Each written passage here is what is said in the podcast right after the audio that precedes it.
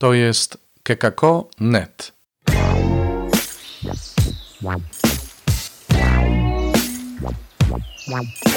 Poranny suplement diety.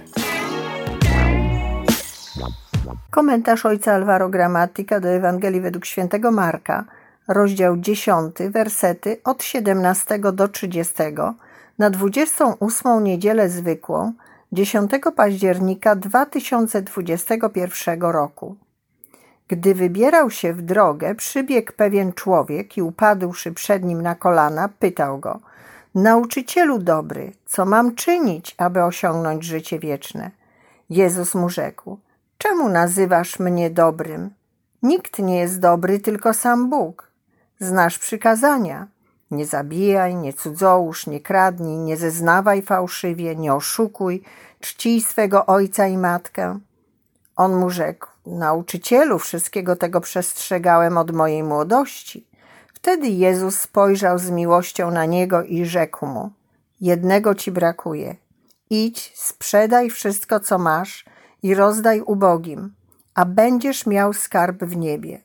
Potem przyjdź i chodź za mną. Lecz on spochmurniał na te słowa i odszedł zasmucony, miał bowiem wiele posiadłości.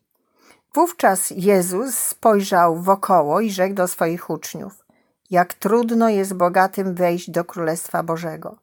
Uczniowie zdumieli się na jego słowa, lecz Jezus powtórnie rzekł im: Dzieci, jakże trudno wejść do Królestwa Bożego. Łatwiej jest wielbłądowi przejść przez ucho igielne, niż bogatemu wejść do Królestwa Bożego. A oni tym bardziej się dziwili i mówili między sobą: Któż więc może się zbawić? Jezus spojrzał na nich i rzekł: U ludzi to niemożliwe, ale nie u Boga, bo u Boga wszystko jest możliwe. Wtedy Piotr zaczął mówić do niego: Oto my opuściliśmy wszystko i poszliśmy za tobą.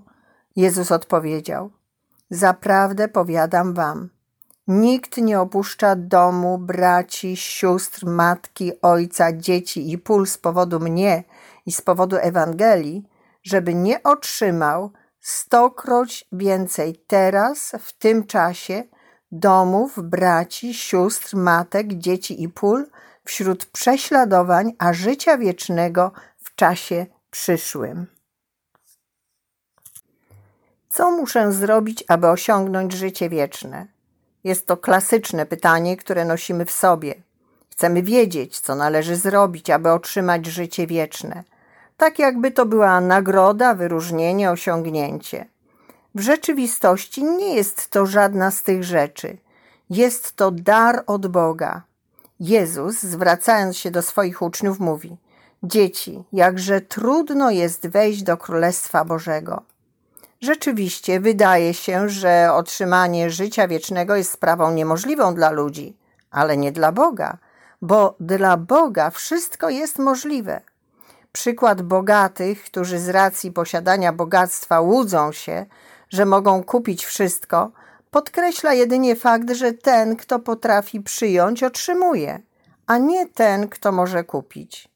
Uważam, że ten fragment nie jest przeciwko bogactwu. Oby każdy człowiek mógł cieszyć się obfitością dóbr, aby lepiej żyć i pomagać innym żyć lepiej. Uważam jednak, że jest on przeciwko błędnej mentalności polegającej na myśleniu, że możemy mieć wszystko, co chcemy, wystarczy tylko coś zrobić. Łudzimy się, że możemy kupić wszystko, nawet życie wieczne. Ale tak nie jest. Życie wieczne jest darem. Każde błogosławieństwo jest darem od Boga i jest przyjmowane w takim stopniu, w jakim pozwalamy się kochać. To jest prawdziwe wyzwanie. Pozwolić Bogu, by nas kochał, zdać się na Niego, uznać wszystko za drugorzędne wobec Jego miłości. Przyjmuje ten, kto wie, że jest w potrzebie.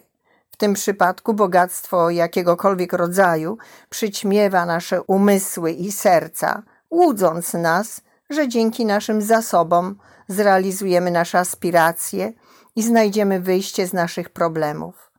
Jest to zaproszenie do zdystansowania się od bogactwa, do zdystansowania się od naszej pychy, która sprawia, że zapominamy o tym, że mamy potrzebę przyjmowania. Jest to zaproszenie do dostrojenia się do myślenia ewangelicznego, że prawdziwym osiągnięciem jest pozwolenie na to, by dać się kochać ze względu na to, kim jesteśmy. Co robić? Prostym sposobem, aby nauczyć się przyjmować, by odkryć, że jesteśmy ludźmi potrzebującymi, jest zdystansowanie się od tego, co nas łudzi i każe nam wierzyć, że na coś zasługujemy. Przyjmijmy z pogodą ducha, że jesteśmy ograniczeni i potrzebujemy życzliwości. Kochajmy naszą biedę bez irytacji i bez udawania, że jesteśmy inni. Kochajmy siebie takimi, jakimi jesteśmy, aby odkryć, że potrzebujemy czegoś innego, co nie jest w naszej mocy.